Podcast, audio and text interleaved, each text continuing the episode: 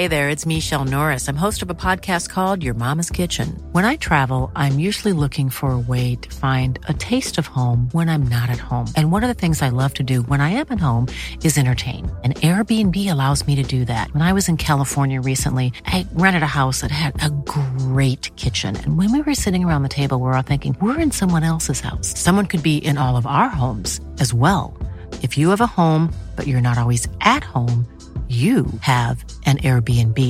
Your home might be worth more than you think. Find out how much at airbnb.com/slash host. Millions of people have lost weight with personalized plans from Noom, like Evan, who can't stand salads and still lost 50 pounds. Salads, generally, for most people, are the easy button, right? For me, that wasn't an option. I never really was a salad guy. That's just not who I am. But Noom worked for me. Get your personalized plan today at Noom.com. Real Noom user compensated to provide their story.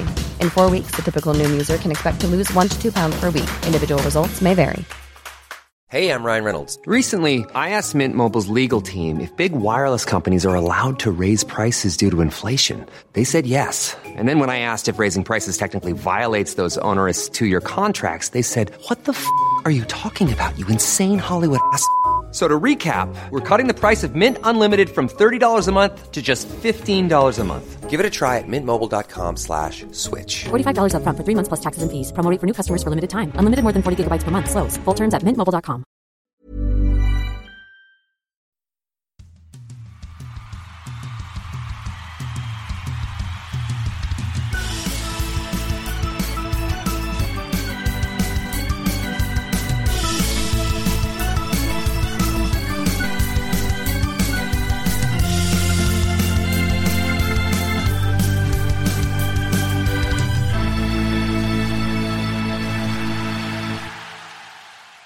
Välkomna ska ni vara till ett nytt avsnitt av Rinkside och eh, när ni hör det här då har det ju gått en, ett, ett drygt dygn men eh, när vi spelar in det här så är det ju purfärskt att det var eh, transfer deadline igår kväll och eh, nu kan inte lagen eh, addera ytterligare spelare även om kanske inte alla eh, hunnit presenteras än med tanke på att det var många som skedde säkerligen in på målsnöret. Men vems högtid är det här då? Om ni tänker på jultomten på julafton och på eh, midsommar då tänker ni på nubben och bakfyllan dagen efter. Eh, så tänker ni såklart på när det är deadline day, då är det Johan Mr. Maddox Svensson man tänker på. Och därför så Johan har vi samlats i ett rum här på Arlanda och höra dina tankar efter det. Är det mest intensiva arbetsdagen på, på året? Jag skulle säga den mest intensiva arbetstiden, alltså generellt eh, sista två veckorna egentligen. Alltså då såg man med ett halvt öga öppet och eh, det händer grejer hela tiden. Det kan bränna till. Man får, man får bara lära sig att inte bli för girig och uh, att man ska kunna plocka allting på 28 lag utan man får ju faktiskt acceptera att uh, man kan inte bevaka 28 lag men man försöker ta så mycket som möjligt och samla ihop sig och, eh, och hitta lite nyheter så att det lyckades vi med den här gången också. Får man vara fräck och säga att du, eh, okej, du har viss konkurrens, men eh, det är väl ungefär som Tiger Woods hade konkurrens på golftronen här under 2000-talet. Jag menar, i 90 fall av, eh, i 90% av fallen känns det som att det är du som avslöjar övergångarna. Hade det varit ännu roligare om du hade haft en nemesis, liksom en riktigt dunderkonkurrent. Jo men det hade ju säkert triggat och jag, jag tycker jag har konkurrenter. Jag vill inte sitta på så pass hög häst och, och säga att jag någonstans är ensam på en tron. Utan jag tycker faktiskt att det finns folk som jobbar väldigt hårt för att få loss nyheter. Så jag känner en konkurrens, det gör jag. Vad, vad tycker du om gårdagen då, med tanke på eh, det som vi, för ett år sedan vet vi ju alla hur det var när eh, halva eh, de, ja men eh, vad var det, det var några lag från, från KL som bara släppte allting. Eh, jämför det här med fjolåret. Nej, det var inte nära. Det var inte nära. Det, det, och det visste vi om. Det har varit en tunn marknad hela säsongen. Så att det skulle inte bli på samma sätt. Förra året var ju nästan helt sinnessjukt. Alltså man kunde inte lämna stolen i princip förrän det small till. Eh, det var, jag minns förra året när HV värvar eh, Hunter Shinkarock, eh, Då drog jag iväg för att dra en takeaway, 20 minuter och sen så hade det smällt till med den och någon ytterligare grej som bara kom så att man hann inte alls med förra året. Så jag, jag tyckte det var lite skönare nu men kanske lite väl lugnt. Men det small ju till till viss del i både SHL och Hockeyallsvenskan sista timmarna tycker jag. Vad, vad tycker du sticker ut då av de eh, adderingarna som kom in? Och då kanske vi tar sista veckan då, eh, som du säger, du sa att det var en två veckors period som är väldigt intensiv. Vad tycker du smällde högst? Nej men alltså att Vasa ändå gjorde det de gjorde och släppte iväg spelare på det sättet och då blev det en väldig huggsexa på en tunn marknad. Det, det var väl det som eh, jag fick beskedet tidigt eh, lördag morgon att det skulle ske och då var det ju bara att börja fiska på varenda spelare de hade. Eh, börja med, med Löke där som vi fick loss och sen så var det den här Valtteri Viljanen till Rögle. Eh, Simon Hjalmarsson och sen så var det ju väldigt snack om Axel Holmström och Björklöven men jag fick ganska tidigt besked på att det inte skulle bli Björklöven för honom. Utan han siktade på någonting helt annat och det blev ju dessutom Schweiz och Langner till slut för honom. Med tanke på att eh, vi i Ringsted oftast pratar om Hockeyallsvenskan eh, med Jens Löke som hade 62 poäng i Hockeyallsvenskan senast han var i ligan. Då visst, vi vet med Albin Lundin och Jonathan Dahlén. Men eh, hur hög spets är det som Björklöven får in där?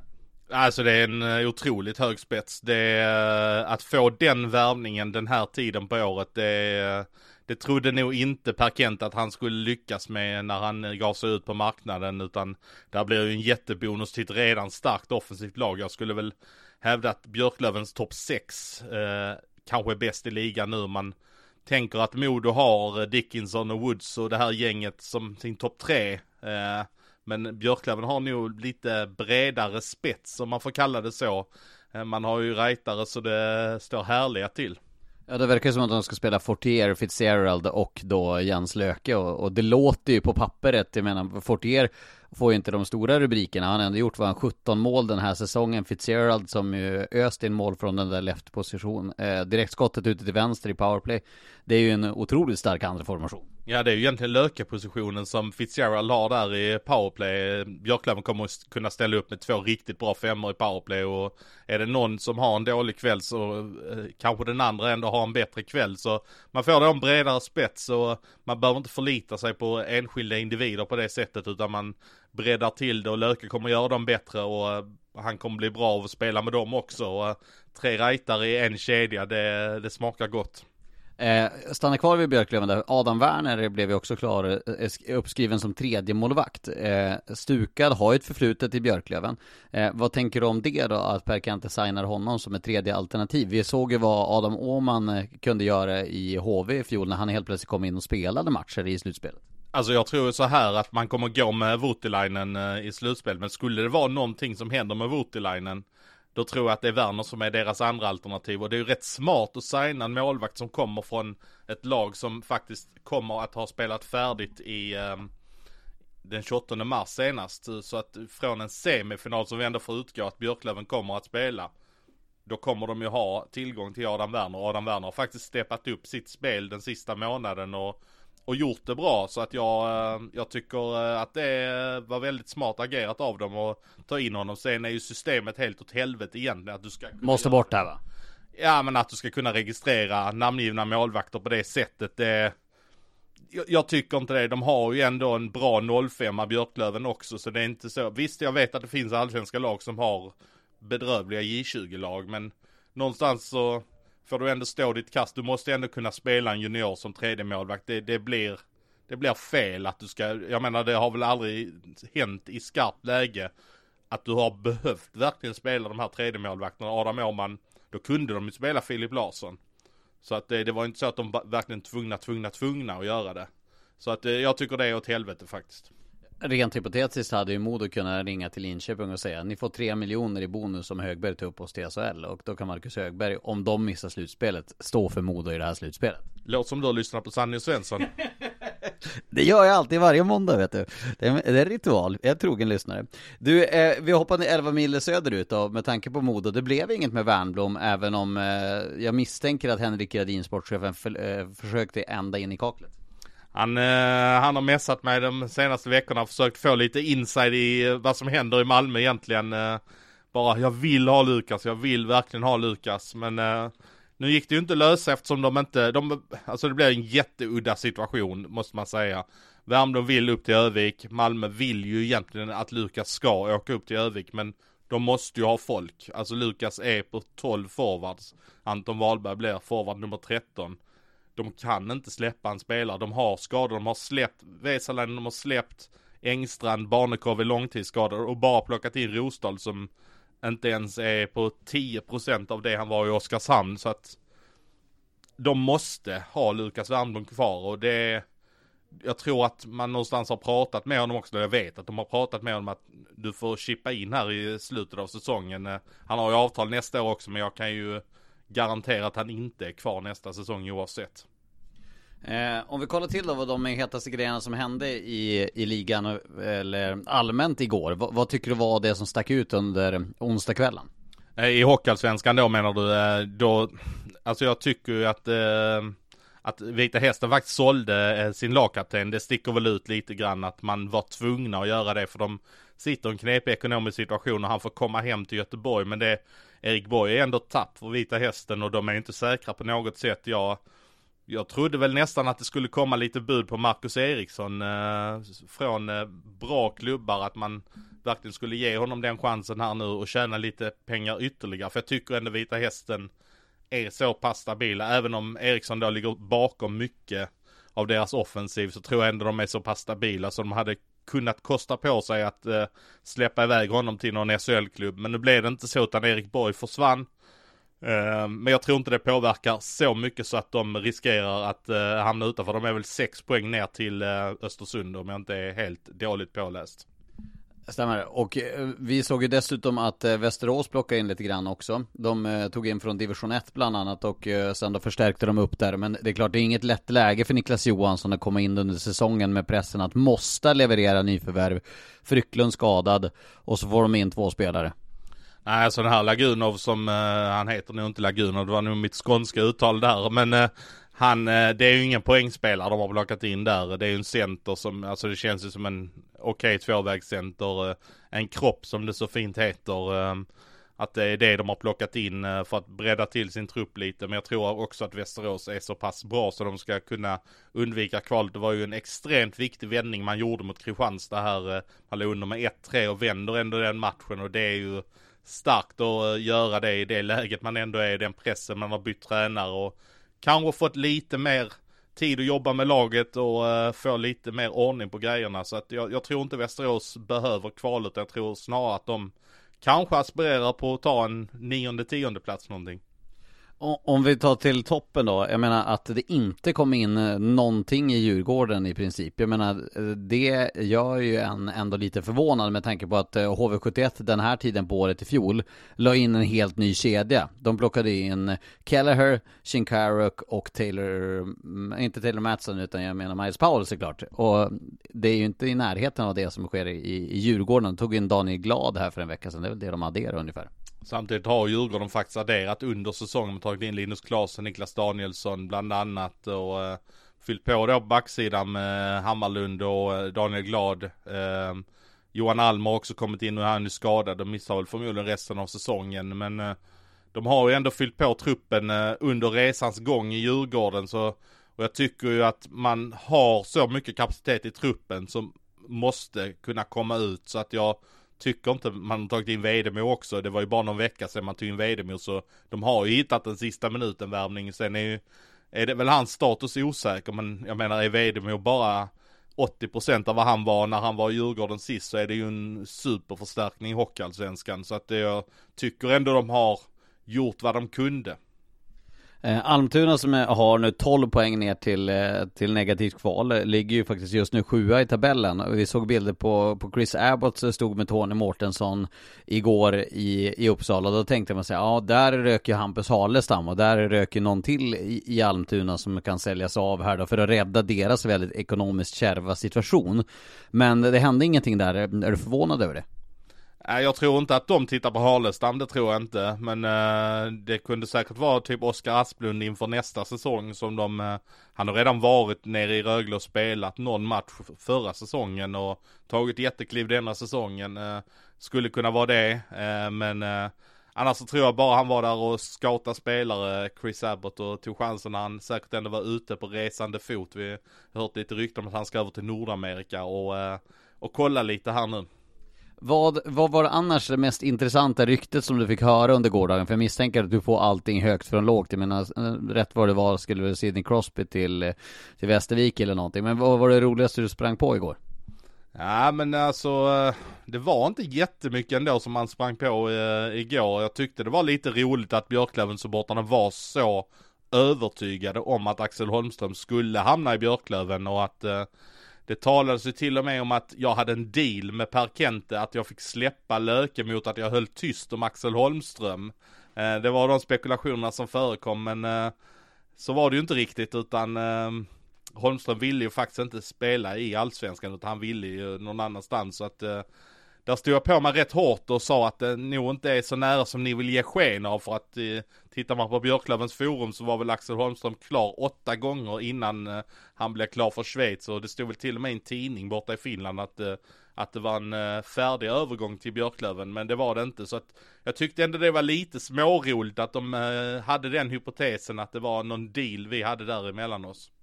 Det var detektivarbetet, det, sticker ut på ganska många ställen. Just det, när det kommer direkt där att eh, oj, Holmström är inte i laguppställningen i Vasa, då, då brinner det till. Ja men det är ju skitroligt när det är så. Och samtidigt är det en jäkla stressfaktor också för mig men jag, jag älskar ju detta den här tiden på året. Och egentligen så nu är det den 16 nu börjar ju grejer trilla in för nästa säsong vilket det redan har gjort. Så att Alltså en lugn stund kommer ju inte förekomma för mig förrän egentligen midsommar skulle jag säga. Det kommer ju ett kvalspel och ett slutspel.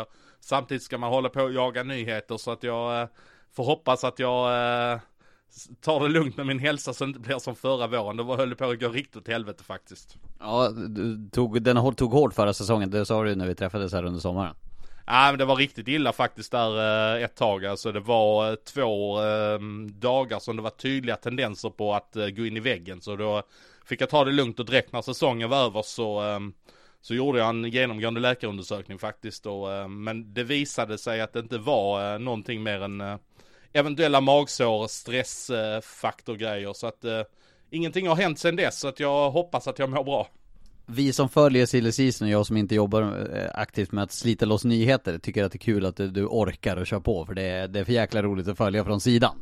Nej, alltså jag tycker också det är jätteroligt att hålla på. Jag är så sjukt tacksam för alla som tipsar också för att hade man inte haft tipsare så hade man ju varit en nobody. Alltså allting bygger ju på att det är någon annan som vet någonting innan jag vet det.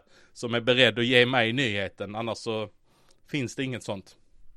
Vi tackar Johan Svensson för eh, sitt arbete och släpper in eh, de andra Humle och Dumle i den här podden. There's never been a faster or easier way to start your weight loss journey than with PlushCare. PlushCare accepts most insurance plans and gives you online access to board-certified physicians who can prescribe FDA-approved weight loss medications like Wigovi and Zepbound for those who qualify. Take charge of your health and speak with a board certified physician about a weight loss plan that's right for you. Get started today at plushcare.com slash weight loss. That's plushcare.com slash weight loss. Plushcare.com slash weight loss. Hey there, it's Michelle Norris. I'm host of a podcast called Your Mama's Kitchen. When I travel, I'm usually looking for a way to find a taste of home when I'm not at home. And one of the things I love to do when I am at home is entertain. And Airbnb allows me to do that. When I was in California recently, I rented a house that had a great kitchen. And when we were sitting around the table, we were all thinking, we're in someone else's house. Someone could be in all of our homes as well. If you have a home, but you're not always at home, you have an Airbnb. Your home might be worth more than you think. Find out how much at airbnb.com slash host.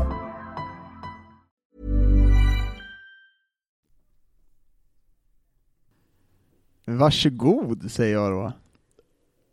Fredrik. Ja, för Varsågod. det här blev en snackis igår.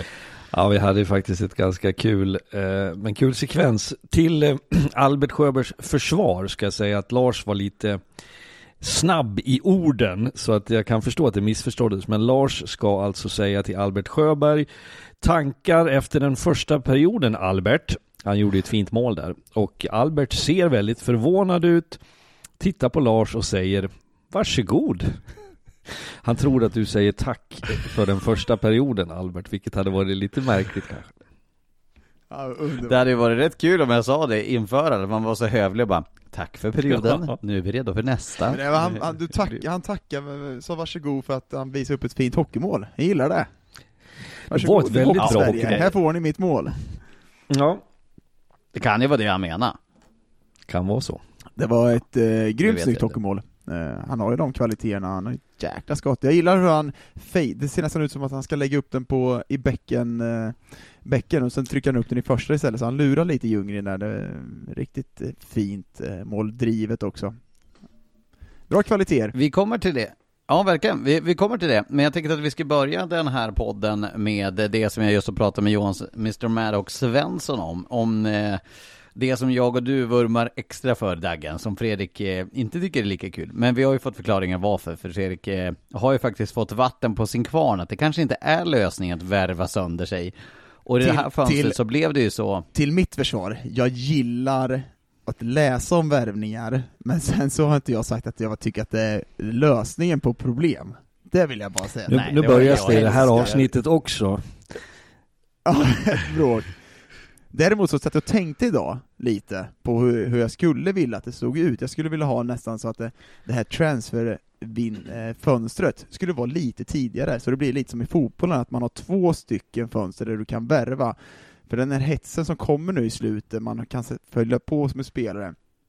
Skulle vilja ha den lite tidigare och se vad som skulle hända då med laget, att man får jobba med gruppen på ett helt annat sätt. Istället för att man börjar med de här panikvärvningarna, man letar spelare hela tiden. Ha ett fönster i säsongen där man har en chans att värva in, men att man får jobba mer med gruppen. Det är någonstans, jag satt och tänkte lite på hur det skulle kunna se ut. Det, det är ju, jag har ju, tycker jag, belägg för det faktum att det, det är väldigt få eh, sista minuten värvningar som lyckas. Det, jag kan ju förstå, jag förstår hur ni tänker, även om jag inte delar den uppfattningen i att det är spännande. Jag förstår Lars, du som är journalist, att det finns en nyhetsvärde i att rapportera och att det är underhållande för supportrar. Men, men om man tar en Det höjer underhållningen. Ja det, det, det, det förstår jag, men jag får ju tänka lite större än så och kommer ur en annan position i hockeyn där jag vet att det dels används det pengar som faktiskt inte finns av många klubbar på alla möjliga nivåer. Sen är det ju så att det, på de allra flesta som är tillgängliga den här tiden på året så är det ju något som skaver, det är ju något som är fel. Det finns ju inte någon som släpper en bra hockeyspelare om inte det är exceptionella omständigheter. Och vi har en kollega, Johan Thornberg, som jag såg igår hade eh, sänt ut sina tankar i sociala medier på ett, på ett reflekterande och bra sätt. För att det, det är ju faktiskt så att det som, som i grund och botten ett lag handlar om är att man gör en resa tillsammans, man ska nå utveckling, man ska bygga under säsongen och att man ställs inför prövningar. Och att det många gånger är bättre resultat att göra dem i den grupp du har. Sen att om du kommer över namn för att ha en längre eh, vad ska vi kalla det då, eh, sträcka innan du får allvarliga problem med skador och sjukdom så förstår jag att det sker. Men jag tycker vi ser den här, det här, den här säsongen att det, det är ett tunt utbud. Och det kan ju vara kul att se hur man klarar sig då. När det blir den här typen Ja. av, när man inte hittar de här värvningarna. Jag tror som sagt att det skulle vara intressant att se och lägga den här fönstret lite tidigare för att man ska få jobba med Men den gruppen man har värvat Det är inte, det är inte många år sedan det låg tidigare. Alltså, nu pratar inte du fönster, vi pratar två olika saker, men datumet var ju sista januari. Sen tror jag att det Precis. var, det är ju före pandemin, jag tror att det är OS som, som vid första tillfället, eh, kan det vara 2018 eller så? Jag tror att det var 2018 om jag inte minns helt galet. Som Men det skulle, att skulle vara då, intressant. Ja, men det är ju för att du har ju två. Ja men låt, låt mig prata till punkt Eriksson. Eh, det som är grejen är att 15 februari så är det ju så att lag är körda. Eh, möjligheterna till ett eh, kvalspel uppåt eller man är i ingenmansland eh, öppnar ju för den möjligheten. Det räcker att backa två veckor för att du skulle begränsa det avsevärt. Mm. Så får vi se, det är ju, det är ju för våra allsvenska lag så är det ju speciellt de som ligger i och slåss om slutspel och botten där, det är ju otroligt eh, tight, både poängmässigt, du kan ju hamna i himmel, du kan hamna i helvetet, vilka säljer av? Man får ju ett, eh, vi ser att Vita Hästen säljer till exempel Erik Borg, det är ju också lite farligt. Eh. Jag ser Almtuna till exempel stänger dörren nu till för att de vill ge chansen till den befintliga truppen, men de har ju sålt av Golokos innan, men det är ett vägskäl att gå. Jag tycker ju att, eh, jag fattar att den svider att man måste sälja Erik Borg för att det är en lagkapten och, och han har varit så pass viktig för Vita Hästen över tid. Men jag kan tycka att det är en förmildrande omständighet när laget är på ruinens brant, att de i princip eh, inte har något alternativ. För de måste få in pengar och då får man ju försöka se så här, ja men kan vi släppa det här? De är i princip klara för att inte spela negativt kval. Eh, slutspelet, ja, de kommer inte att gå upp till SHL, det vet vi alla. Och nu får de då in en rejäl slant pengar istället. Jag fick ju uppgifter igår, eller vi fick, eh, sen behöver vi inte säga vad det var för summa och vad det var för spelare, men, men jag häpnar ju när jag hör vad man eh, säljer, försöker sälja ut för nivå på spelare och vilken prislappen faktiskt är. Eh, det, det gör det hela, tycker jag, lite bisarrt. Sen ska man ju alltid se från ett, eh, om man kollar på spelarens perspektiv bara för Erik Borgs chans att gå till SHL, få den chansen att spela där, ger ju han en skjuts i den riktningen också, att eh, klubben inte sätter stopp för den typen av värvningar heller. Nej, fast jag förstår det där och jag har resonerat och gör väl i många delar likadant. Men, men sen är det ju det där också eh, intressant. Jag, jag, jag vill ju, jag kanske går tillbaks till gamla tider, men har vi inte någonstans ett ansvar? Jag bestämmer mig för att spela i ett lag. Jag har inget emot Erik Borg överhuvudtaget, tvärtom.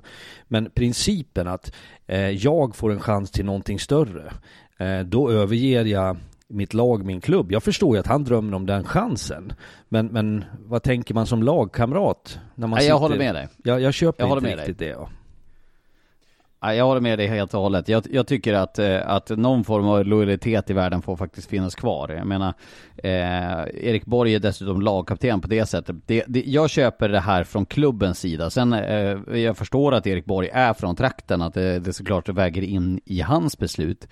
Men det är klubben som har tagit också det aktiva valet att sälja honom för att rädda sin ekonomi. Men jag håller med dig om tesen att, eh, att någon form av laglojalitet vill man ju fortfarande tro finns kvar. Det vill man såklart, men spelarna vill fortfarande uppåt hela tiden, när de sitter där. I den situationen. Sen så, Jo. jag håller med. Jag hade önskat i en drömvärld att man, att man hade ett lag, man värvar ihop ett lag från start, spelar med det laget hela säsongen, sen börjar inte tar in några spelare, det är väl drömvärlden i allas, hur man bygger ett lag och vad man får jobba med den truppen man tar in. Men så det är inte den världen vi lever i.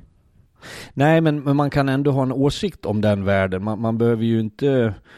Eh, allt som går åt helvete behöver man inte bara tolerera att det gör det, utan jag tycker man kan föra en bra diskussion, ett resonemang om moral och värderingar åt båda håll. För jag vet ju också från en tränares perspektiv att spelare kräver roll och du ska ha istid, du ska få förtroende. Ehm, sen dyker en chans upp, man kanske investerat i en spelare i en kaptensroll, i ett powerplay, i mycket speltid. Sen är det någon som knäpper med fingrarna och erbjuder någonting bättre. Ehm, nu släpper ju inte Malmö spelare till Växjö till exempel som är i samma serie. Men alla drömmer ju om uppåt och framåt. Men jag menar att man kanske måste våga Eh, och återigen, det handlar inte om Erik Borg utan det är principen överlag. Det är ju väldigt mycket så i Hockeyettan att det blir flyktigt för man, man, man vill vidare i karriären. Men det finns ju också ett regelverk som jag tycker skulle parera det där. Mm. Och jag kan säga så här, hade jag spelat eh, fortfarande i Karlskoga, och Karlskoga hade sålt av spelare när vi är i en situation, antingen att vi är med i toppen eller att vi skulle vara i botten, och jag blev galen, kan jag säga. Som spelare, medspelare. Jag vill inte se att någon sticker. Men, men är du galen på klubben då eller på din lagkamrat? Skulle du våga säga det till en lagkamrat att vet du vad, det här tycker jag är ett litet svek mot gruppen? Ja, det hade jag kunnat stått för, om man sticker under säsongen. Jag tycker du ska vara kvar i våran trupp och göra det, det vi har sagt upp från start. Ja, Självklart hade jag gjort det, men jag hade blivit ännu surare på klubben att man ens tar den, Ja. Mm. det resonemanget att man vill sälja av. Sen, det finns ekonomiska Ja, det är ju det det gör. i det här, såklart. Det, det gör Det är ju det som är, men hade jag suttit, eh, jag hade blivit, jag kommer ihåg vi sålde Mattias Karlsson, jag har varit inne på det innan. Alltså vi, man blir galen som spelare när man känner att man är med, man har en chans och sen så drar klubben bort fötterna på något sätt från gruppen och vi som ska vara kvar där. Det suger lite musten ur en eh, när det blir så. För då kan man ju vända på det lite grann. Jag kan ju också förstå spelare som känner det omvända, det vill säga när klubben plötsligt, ja men nu måste vi agera, det kanske är ett hårt tryck från supportrar och sponsorer, vi måste landa någonting, så kommer det in två, tre spelare i de här dagarna som plötsligt ska infiltrera och kanske i vissa fall infektera gruppen.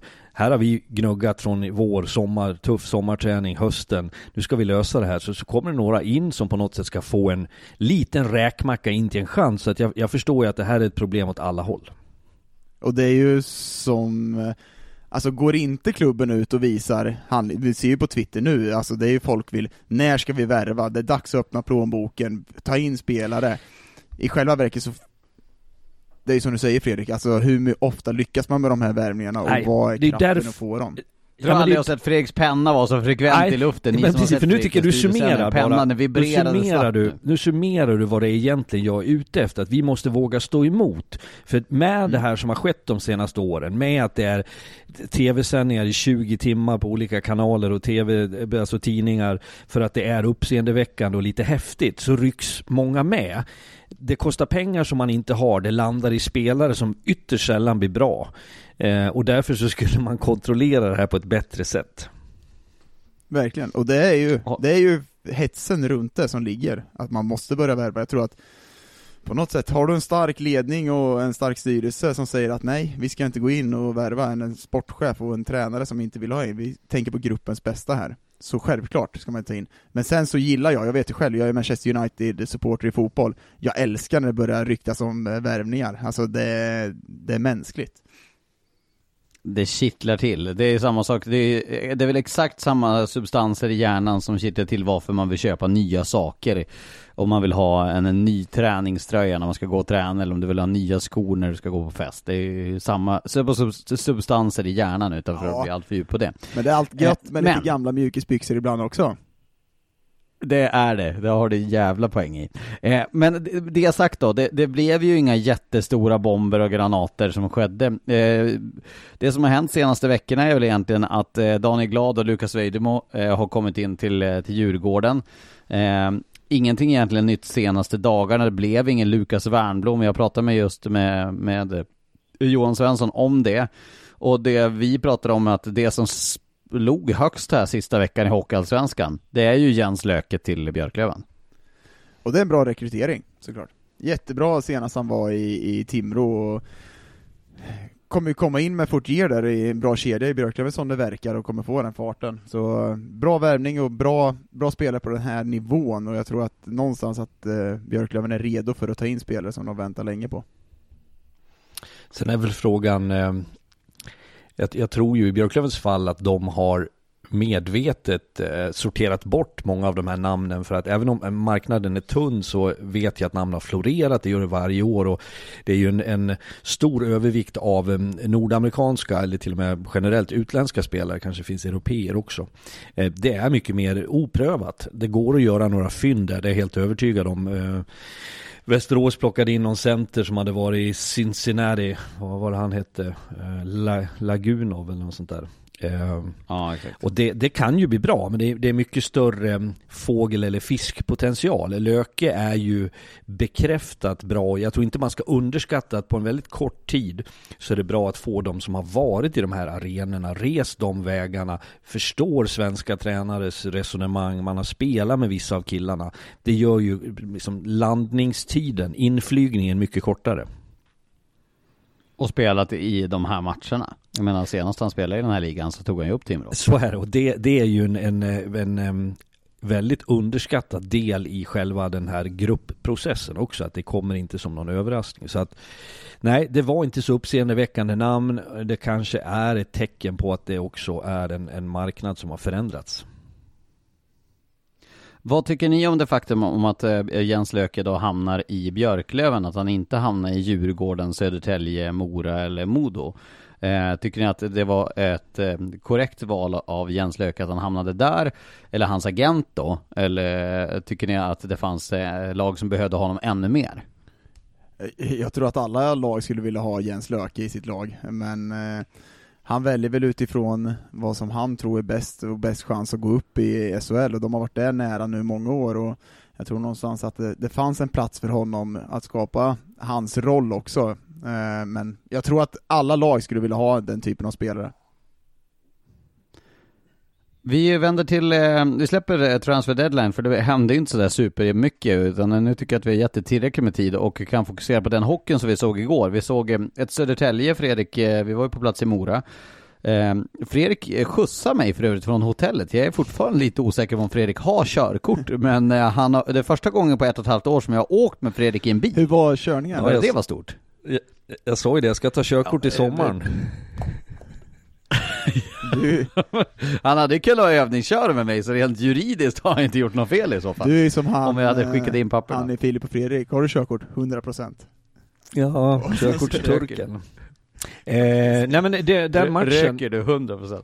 för att eh, b- b- summera den så var det ju som alltid bygger man upp, tv-mässigt har jag fått lära mig när jag hamnar på den mörka sidan, vissa förväntningar. Det var mycket prat om Johan Persson och Linus Widell och deras eh, Eh, streaks med poäng. Den följer men jag tycker ändå att det är värt att belysa att det där är två spelare som har väldigt stor betydelse för sina respektive lag och jag tycker att de tillför även i det som inte syns i poängskörden.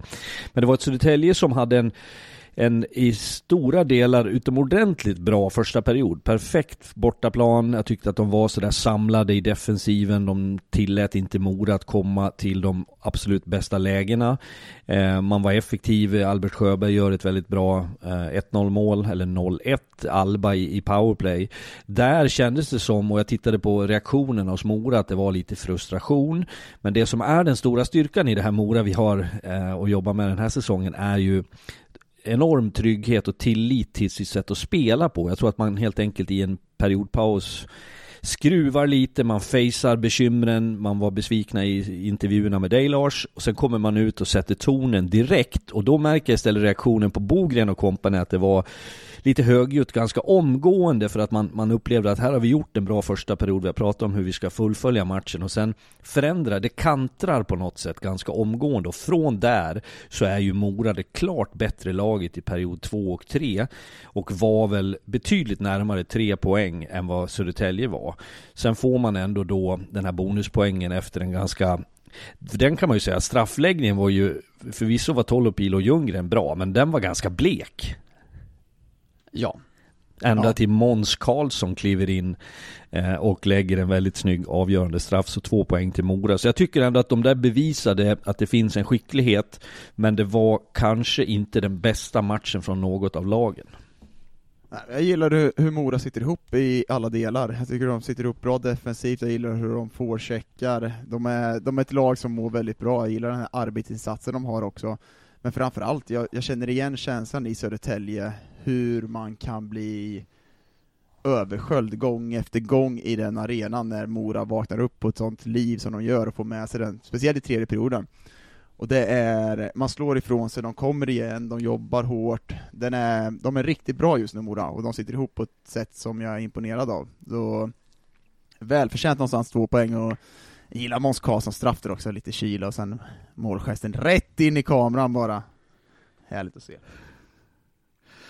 Eh, och, och tyvärr så fick ju Fredrik också då eh, vatten på sin kvarn. Det var ju våran bildprocent eh, Joakim Larsson som brann för tesen att det skulle gå upp och intervjua den här Bjällerkillen. Och han hade ju tänkt sluta efter säsongen spå, sp- eh, spånar jag och Fredrik på, men nu har han fått vatten på sin kvarn. Nu kommer han köra vidare här, så vi kommer få dras med den här kobjällran i, i tv i ett gäng år nu Man får ju lägga in något ljud så den försvinner i Nu- nu- TV, för det var ju hela tiden. De har ju gått en hel säsong och funderat Pirmin Sorbriggen och Ingemar Stenmark på väg in i det här. Vad är det som låter? Och sen ser jag, Lars säger ingenting om det här. Jag vänder mig, jag tror Lars vägen, så ser jag han sitter bredvid den här kobjällramannen. Och då ska jag säga att har man bott i Alpområdet som jag har gjort så är det där ett väldigt vanligt ljud du hör när du är ute på en så här vacker promenad. För där går ju kossorna runt med sådana på sig.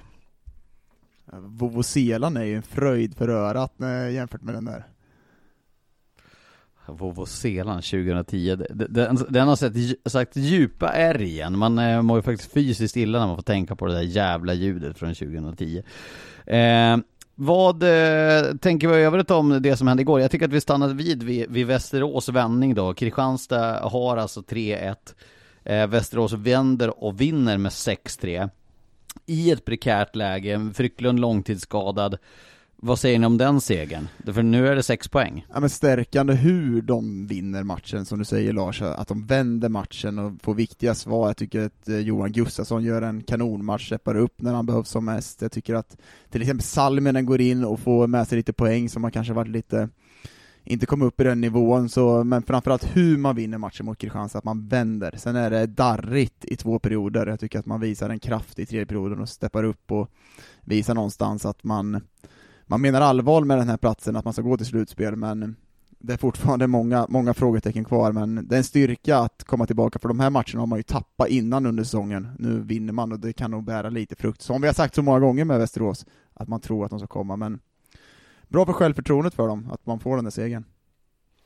Nu såg ju jag för lite av den, av uppenbara skäl, så att jag, jag ska vara försiktig med att prata detaljer i det, men principen som sådan att man att man vinner tajta matcher eh, har såklart eh, stort värde för Västerås. För Kristianstads del eh, med den starten, jag tyckte de kändes eh, eh utan att prata spelet, men själva moralen kanske efter eh, en bra seger mot AIK och någon vinst före det. Att, att, för de är ju också i den där delen av tabellen där det är så viktigt att vinna, så, så sved den där säkert. Eh, den stora grejen som stack ut annars igår känns ju som att det var att Modo då rök på en ny förlust borta mot Almtuna, dessutom nollade på, eh, av Almtuna eh, igår kväll. Eh, alltså nu är det tre poängs marginal och det känns ju som att det kommer bli, eller förlåt, jag ska inte säga så. Tycker ni att det blir ett race nu av toppstriden, eller vad, vad säger ni? Så, det är inget snack om saken. Det räcker att titta på tabellen och hur många matcher det faktiskt återstår eh, så hinner det ju hända väldigt mycket. Jag, jag vill bara säga vad gäller Modo att eh, jag tycker att det som nu vi ser är ju en konsekvens av det vi bakåt i tiden har lyft och dryftat. Alltså ombyggnationen av truppen tycker jag också att jag ser eh, som lite frågetecken i spelet. Det här att man har eh, kanske ett puckmässigt övertag, avslutskott på mål. Men jag ser inte samma raka eh, som skärpa i det offensiva spelet. Och jag, jag vill lyfta en sak som jag tror sker och jag tycker att jag har sett det där förr och det är att det, alltså Modo har väldigt många potentiella poänggörare. Man har väldigt många kreativa spelare, man har många effektiva spelare i grund och botten. Men när det där sker, att du plockar in ytterligare. Så jag har varit med om det själv, att det smyger sig på någon slags känsla av att det där löser någon annan. Det där, nu har vi så många som inte det är min dag idag. Jag behöver inte alltid kavla upp ärmarna, jag behöver inte alltid jobba kopiöst hårt. Jag såg att Karlin hade något uttalande igår om att det är för lite blåmärken, vilket man kan tolka välvilligt eller så om man nu beror på vilket humör man är på. Men jag förstår nog vad Karlin menar, att det blir lite mjukt, det blir lite bekväm hockey och man litar på någon annan. Och det här måste Modo komma till rätta med omgående. Det som är positivt för dem är att man ligger före i den här Eh, fasen där man ska ta in de här nya, de har ju legat länge nu, de har ju värvat in de här tidigare, så man är ju några matcher in på var man ska ligga. Nu har de några matcher till på sig innan slutspelet går in.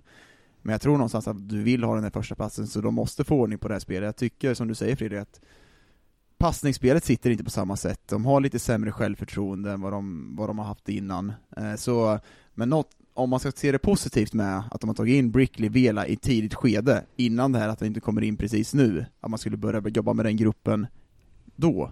Nu har man liksom haft några veckor innan de här, före till exempel Björklöven, nu tog bara Björklöven in Löke då, men de har nog tänkt att man ska få den här fasen lite tidigare innan slutspel och man kan jobba med gruppen några veckor till. Så det är väl det positiva med att det finns matcher på sig att komma in i det här. Eh, jag håller med, jag tror att det är smart att ha det. Men, men eh, nu får ni säga om ni håller med mig eller inte, men jag tycker att, eh, att Brickley har blivit en belastning. Alltså jag tycker att Brickley är, alltså i, de matcherna jag har sett, vilket ändå är rätt många sen när han kom in i laget, så tycker jag på riktigt att han är dålig. Alltså jag tycker inte att det tillför någonting i motorspel just nu. Eh, och, och notera då, utöver det så har du fått eh, Eh, Nick Halloran, han har en spets absolut, men eh, det är ju inte den typen av anfallshockey som Modo spelar som gynnar Halloran just nu. Och sen Riley Woods eh, vidhåller vidhåller det att han, han är inte i närheten av att vara 100% efter den där skadan, för att eh, i så fall så ser det inte ut så på isen. Jag håller inte med om att, att han är en belastning. Jag förstår någonstans vad du menar, eh, kanske, men, men jag, jag jag tänker så här att problematiken är fördelningen både av spelminuter, av roller, av positioner på banan. Där man under en lång tid i Modo, framförallt hela hösten, så kändes det så givet. Vem ska spela var? När? Vem förlitar vi oss på i det här läget? Vi har sett matcher mot, jag har det exemplet i huvudet från Modo Björklöven som du och jag gjorde den där sena lördagskvällen där jag tycker att det var Adam Pettersson, Manberg, några av de här mindre spetsiga namnen som var avgörande för att Modo skulle vinna. Eh, nu har de fått en situation som är för jag tror så här, bara för att nämna Brickley framförallt, som du, du tar upp som ett exempel. Med den här äh, 27 minuters i snitt som han hade i Västervik. Där, där fördelade han sina krafter, han hittade, han kunde spela en mer eh, oberäknelig hockey som var grundad på vad han ville göra. Hans medspelare akklimatiserade sig och anpassade sig utifrån det. Nu ska han in i ett system. Han ska följa ett konsekvent mönster. Och det har jag inte sett honom göra tillräckligt bra än, så på den punkten kan jag ge det det. Det är ju lite friare i Västervik såklart. Han fick göra lite vad han ville och fick eh, stå för det typen av spel. Sen så tycker jag, jag tycker Halloran ser bra ut. Eh, jag tror att han kommer vara nyttig för dem i ett i framtida slutspel, han har den typen av spets. Och som vi var inne på förra veckan, så det kommer ta tid för Woods att komma in i det här eh, med den typen av skada man kommer ifrån. Men det är såklart anmärkningsvärt att inte, att inte spelet sitter på samma sätt. Men det är några matcher kvar, de har en trupp som ska kunna hitta tillbaka till det här. Jag tror också att, att Karlins eh, ledarskap kommer till sin rätt. Det är en, en ganska svårstressad person. Eh, han, jag tror inte att han rycks med allt för mycket. Han är, han är lite eh, butter och eh, fundersam just nu. Men jag tror att han och övriga staben har en större förståelse än vad omgivningen har. Men bara för att avsluta det där lite från mitt perspektiv så är det också det, var, det rådde som frid i Örnsköldsvik med omnejd under hösten. Vilket skapar ett stäm och en harmoni som känns av ner i gruppen. När man nu hamnar i det här läget med, eh, med, med den, alltså det väcker ju kritiker, det väcker tvivel, det, det blir en oro och en stress. Och det där rubbar på så många plan. Jag tror inte man ska underskatta hela det där paketet på något sätt. Men bara för att säga det, jag tror inte att Modo är rökta, jag tror inte att det är över, jag tror inte att det är förbi på något sätt. Men de har en väldigt intressant uppgift att lösa nu för att bli etta och därmed sätta sig i bästa situationen. Det tror inte jag heller att det, de är rökta. Jag tror definitivt att det fortfarande, jag tycker att det är laget att slå fortfarande. Men nu eh, i, igår, eh, det här är torsdag när vi spelar in det här, vi är på olika platser i Sverige. Jag sitter på Arlanda i ett telefonrum och då kom folk som är, ser ut att vara från Singapore och är stressade möten på väg in och försöka hugga det här rummet. Jag har sett många kolla eh, in. Ja, bakom. bakom. Jag tittar ut genom mitt fönster tror att de står utanför mig, men det är ju vid dig. Gå dit istället. Nej men eh, alltså det är ju igår var det då alltså fem veckor sedan Josh Dickinson spelade en hockeymatch senast. Eh, och notera då på det att eh, innan det han spelade match på riktigt var alltså den 7 december. Ska han då hoppa in och försöka vara lika bra som han var i början på säsongen när han inte har spelat hockey på tre månader? För de, det låter ju som att han kanske kan få någon match innan slutspelet drar igång. Det är också en ganska tuff uppgift att ha en första center med den uppgiften när du går in i ett slutspel. Nu vet jag att Björklöven har samma med Weigel förvisso. Men det är ju jäkla skillnad på vilken typ av skador du har också. Jag tycker Woods med knät, Dickinson har väl foten va? Eller var det en häl, vad snackar om? Alltså det tar längre tid för sådana typer av skador att komma tillbaka. Har du en överkroppsskada så kan du jobba med skridskoåkning, du kan jobba med sådana moment. Det tar längre tid. Jag vet själv när jag har haft skador på underkroppen. Det tar längre tid att komma tillbaka, och det, det kommer ta längre tid. Även för fötter? Fötter också. Du kan inte jobba med det. du kan inte jobba, det ser ut som att du var lite full i fan där, men det tar tid Eh, och komma tillbaka, för du kan inte jobba med de här skridskoåkningen och de typerna under som krävs, att du har det trycket i åkningen som behövs i spelet. Så, eh, överkroppsskador är lite lättare. Jag måste bara säga, eh, noterar ni vad det var för domarduo i Almtuna mot Modo igår? Det var ju alltså upplagt för att det skulle bli bråk mellan domarna och eh, något av lagen. Robin Jakobsson. Det var alltså Robin Jakobsson och Daniel Wessner som dömde matchen. Robin Jakobsson som ni känner igen, han har ju ett gäng eh, riktigt fula tacklingar i, i sin hockeykarriär som ju han kommer få leva länge innan han blir av med. Det där är ju lite var... som att sätta Johan Ursut och Clark Olofsson i högsta domstolen som domare. ja men ungefär så. han var fruktansvärt jobbig att möta, för han, man var tvungen att se upp när han var på isen. Bra timing i tacklingarna. Men ibland blev det fel. Och några som var lite mindre tajmade kanske, Ja. vi ska lägga in där. Eh, det, på tal om domare, det hände ju en sak i eh, Djurgården mot Tingsryd där också när, eh, när Djurgården fick en eh, två minuters utvisning som gjorde att de kunde kvittera matchen i slutskedet mot Tingsryd när de ledde med 3-2. Eh, och efter det här så blev då Fredrik Glader avstängd trots att han, han har ju med kroppsspråk det, jag har sett om det där och sett exakt vad han gjort. Han, har, han gör ju ett hånfullt beteende med kroppsspråket men han säger ju faktiskt ingenting som är hånfullt mot domarna. Vad tycker ni om den situationen? Ja, men, utvisningen är ju, det har ju, de har ju lagt sig platt att det, det är en dålig utvisning såklart, och det, det, det kan bli fel, men efter man har tagit en sån utvisning som domare, då måste man, oavsett om man säger någonting eller någonting, det måste man liksom kolla bort. Åk och prata med Glader, ta in honom i omklädningsrummet efter, förklara vi har gjort fel, det här är Ta då inte en abuse och sätt dem ännu mer på en dålig sits Tingsryd, där, där, där, där måste man ha förståelse för att det blir en reaktion. Sen ska man inte gå över gränsen, självklart inte, men kolla bort då som domare. Jag har ju under alla mina år som tränare egentligen haft en, eh, drivit en eh, kraftfull eh, linje i att försöka få domarna att bli bättre på att kommunicera. Jag eh, skulle vilja påstå att de allra flesta domarna kan regler och regelboken på ett sätt som vi vanliga dödliga inte är i närheten av. Väldigt ofta så i kritiserade domslut så finns det en regel som säger att de gör rätt. Sen sitter tv-experter, vi, eh, det sitter supportrar och folk eh, som kollar på tv och har åsikter och tycker att det där borde vara tillåtet. Och så retar man upp sig på fel grunder. Men det som domarna har fortsatt en stor utmaning i, det är att lära sig att vara bättre i kommunikationen, både med spelarna och båsen. Och jag vet att det finns idioter bland spelare och tränare. Jag har själv gått över gränsen. Men det absolut mest enerverande och upprörande som tränare är ett nonchalant beteende från domarna. Och här tycker jag inte att vi har blivit så bra som jag hade önskat. Det finns några domare som verkar jättebra på det här och när jag pratar med tränare så nämner de några, jag ska inte sitta här och namedroppa domare, men som har blivit bra på det där, som de gillar för det är en tydlighet, kommunikationen, klara besked. Men det finns fortfarande extrem irritation på eh, bemötandet och där har eh, domarkåren och eh, svensk hockey en utmaning. Det har vi. Eh, men det är också, jag tror att man har satt sig i en sits från början med domarna, att man kanske skulle stagnera exempel från start, vad som gäller och vad som är tydligt.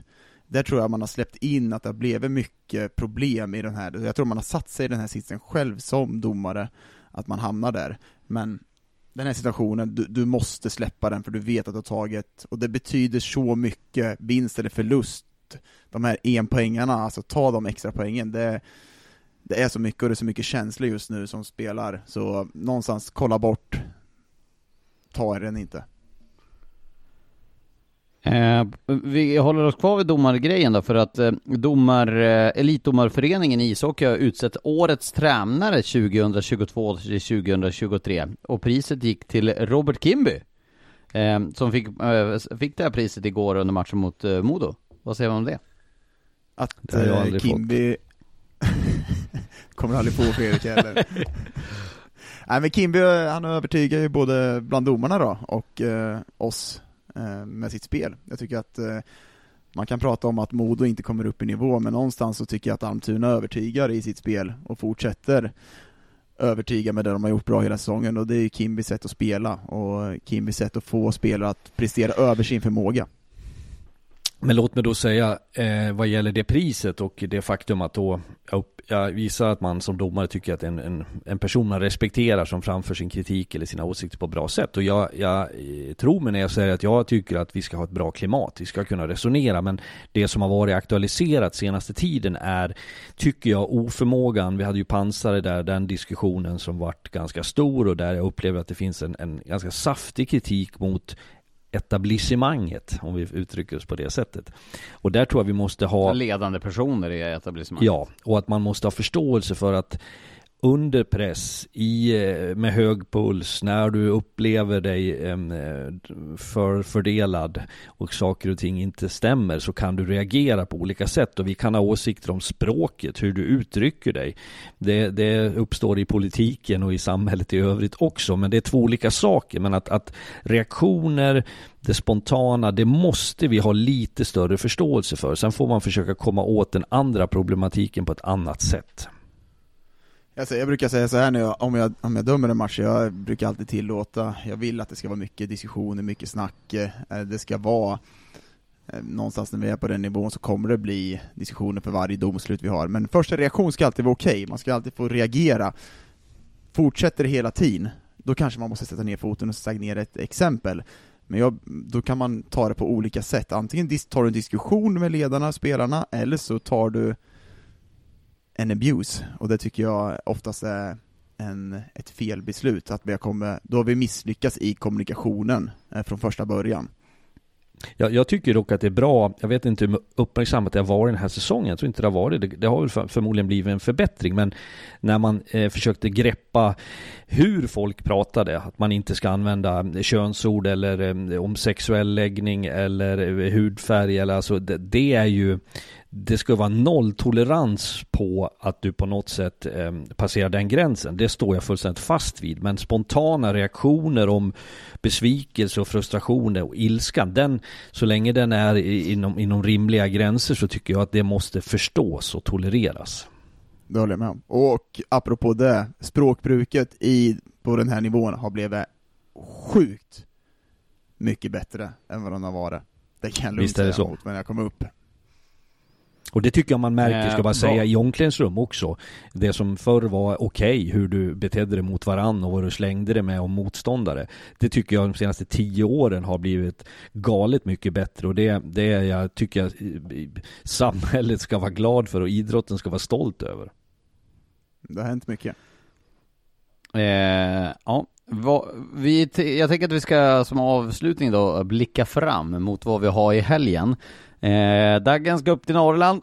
Eh, du ska ställa dig på torget i Övik och ha diskussionslåda en timme på fredag eftermiddag förstår jag, jag eh, när folk har AV. Jag är ju, de, eh. det är många, många som taggar in mig nu att om jag hade rätt eller inte nu när de går lite dåligt, men jag tror att de kommer komma igång Modo, så jag tror att de har gjort bra saker med att de har tagit in tidigt som vi sa innan. Jag, ja, men jag, jag, jag tänkte på... Lars, kom inte in där, jag vill inte hamna där igen. Låt mig bara backa kort nu. Jag såg jag bilden på Robert Kimber. Den ser ut som när man är gripen i USA. Det kanske är så i Sverige också. Ser du? Han är upptryckt, upptryckt mot en vägg och håller en någonting i handen där. Men vi säger grattis till Det skulle kunna vara identifikationsbrickan den här 9004 ja, precis. intagen. han har en lite kriminell aura Ja, han har en, väldigt sympatisk och duktig men, men ser lite farlig ut va? Ja men faktiskt. Kanske inte vågar ge priset jo, till någon annan. Ja, jag tänkte säga bara... Han skulle kunna vara hit, han ser ut som den där hitmannen ifrån, eh, vad heter han då? Han som har lite bakom hår. Nu tänker jag någon 90-tals svensk film så ser han ut som en hitman från någon sån film. Jag kommer inte på vem. Tänkte... nej, det är ju från, det är från Spanarna, han som kommer in. Han är lugn sa jag, han är lugn. Jag tänkte precis fråga, vilken typ av kriminell är han? jag fick ju svar på det då. Han är lugn! Hitman! ja men det, ja det, det är väl inte, men spa, heter sökaren Sökarna, spanarna är väl något annat Sökarna tänker jag Liam, Liam sökarna. menar han? Liam uh, Kick, uh, han som spelar med, han som kör kickboxing Ja men vi lämnar filmkrönikan Långhåriga där Film ringside är inte stark mm. Han är lugn. Men eh, det jag ville prata om var fredagskvällen. Ja. Björklöven-Djurgården. Tänker ni om den då? Jag, jag, tycker alltid om när man kan förhålla sig till en match till, det vill säga det är inte så länge sedan det var Björklöven-Djurgården när Björklöven pulveriserade eh, Djurgården i den första perioden för att sen plana ut lite grann av två skäl. Så att jag tänker att Djurgården kommer vara mycket mer eh, väl förberedda. Djurgården har tycker jag ändå vuxit och stabiliserats lite grann. Och det ska bli intressant att se vad de kan göra mot det här Björklöven som har sina eh, omgångar, någon förlust då och då som blir lite ifrågasatt men sen med besked slår tillbaks och visar sin spets och kvalitet. Och jag tycker att Björklöven är de som som är absolut spetsigast för stunden av lag. Och det ska bli spännande att se hur Djurgården parerar det. Mm, kul att se också hur Löke kommer in i det här laget tillsammans med Fortier där, står med den här speeden i, i kedjan så Och Fitzgerald. Fitzgerald, då, se hur de funkar ihop, men eh, jag tycker att det är två lag som eh, ligger i de här placeringarna som jagar. Björklöven jagar första platsen, Djurgården jagar också den här fjärde platsen. Det är viktiga poäng på spel. Häftigt att se också vad de kan leverera också här nu när det börjar bli lite tajtare inför slutspel, om man börjar hitta formen. Har Djurgården kommit upp dit? De har mött lite kanske sämre lag om man kollar på i tabellen. Nu ska de upp och testa Amse Björklöven här också, och se vart man står någonstans, men Björklöven övertygar ju såklart. Vad, det är lite frågetecken också vilka som spelar i Djurgården, för jag menar eh, Vejdemo har man ju rekryterat här nu, men man hade ju en väldigt tunn roster mot eh, Kristianstad, nej mot Tingsryd i veckan. Det är eh, anmärkningsvärt. Eh, Djurgården, hur ofta de har saknat folk. Eh, sen är man ju olika mm, eh, uppriktiga i klubbarna med eh, varför folk är borta eh, och hur länge man är borta och hur mycket man hemlighåller. Så jag har svårt att läsa in läget fullt ut hos Djurgården. Men det är ju som vi hade en spekulation om före vi spelade in podd idag. Men tittar du på, på om du skulle smacka upp de fulla trupperna i samtliga lag.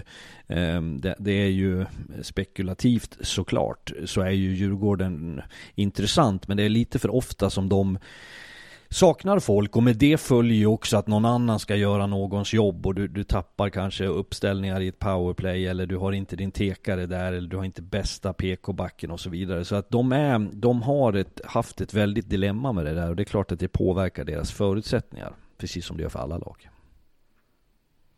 Sen tycker jag att det var att man inte, nu var ju marknaden tunn, men jag trodde verkligen man skulle försöka hitta en back här i, innan slutspelet kom in, men eh, nu förlitar man sig på den backsida man har, och den, den har vi ju pratat om innan, att den kanske inte har funnits tillräckligt bra, den har varit, och nu spelar man ju Niklas Danielsson som back också, som jag tycker har gjort det okej okay som back, men någonstans så tror jag att det finns ett behov av att Djurgården behöver få igång Kevin Karlsson nu när man inte värvar en spelare.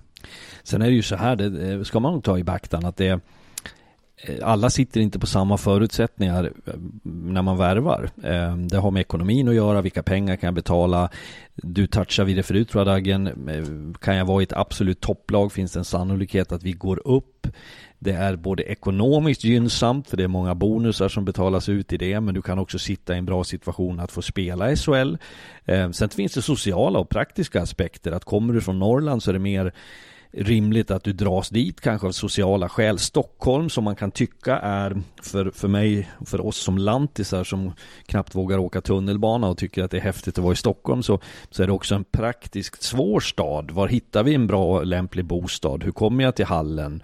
Vilka är träningsmöjligheterna? Hur är det sociala läget? Och det, där tror jag att Djurgården inte alltid har det så lätt. Nu, nu var jag uppe i Mora så sent som för, vad blir det, tisdag så spelade in ett nytt avsnitt av Hockeytugg där jag äter mat och umgås med hockeymänniskor och där slås jag ju av hur precis som Karlskoga till exempel där du är ifrån Dagen hur, hur nära man blir varandra i laget eh, och det är en faktor som jag också tror spelar in i, i valen av klubb.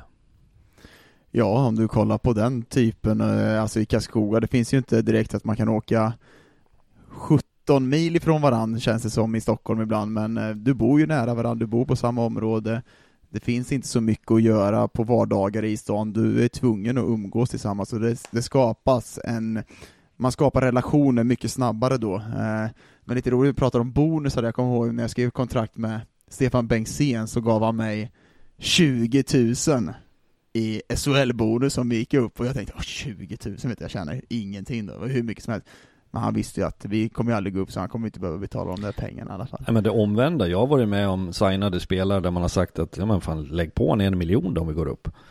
Det är fullständigt orimligt att tro att man går upp. Ja, då kan du ta en liten lön för då kommer du från Nordamerika och tänker wow, what the fuck, this is a great league, we have a great team, and let's go for it guys. Two million, yeah. two million if we go up. Ja, ja, ja. Hörni, med det har ni några andra bonusar ni vill prata om? Annars måste jag dra till ett flyg. Ja, men det ser ut som att du ska vara, eh, är det något du vill berätta för oss Lars? Är du flygvärdinna eller vad heter det, flygvärd på planen? Att du ska byta om nu och det blir kaffe, te, te, kaffe? Jag tror att jag hade varit ganska dålig på det. Eh, statisk arbetsuppgifter är ju någonting som hade rört till det i mina bokstavskombinationer i mitt huvud. Du hade varit en av de här flygvärdinnorna som när man sitter i gången, så man hänger ut lite huvudet så man får den här kärran i huvudet, Ja. så! Jag, Jo, jag hade ju, hade någon stuckit ut, jag hade laddat någon meter och så bara Ja. BAM! det är fascinerande, för jag brukar alltid vilja sitta där, och jag har ju långa, be- äh, ganska lång.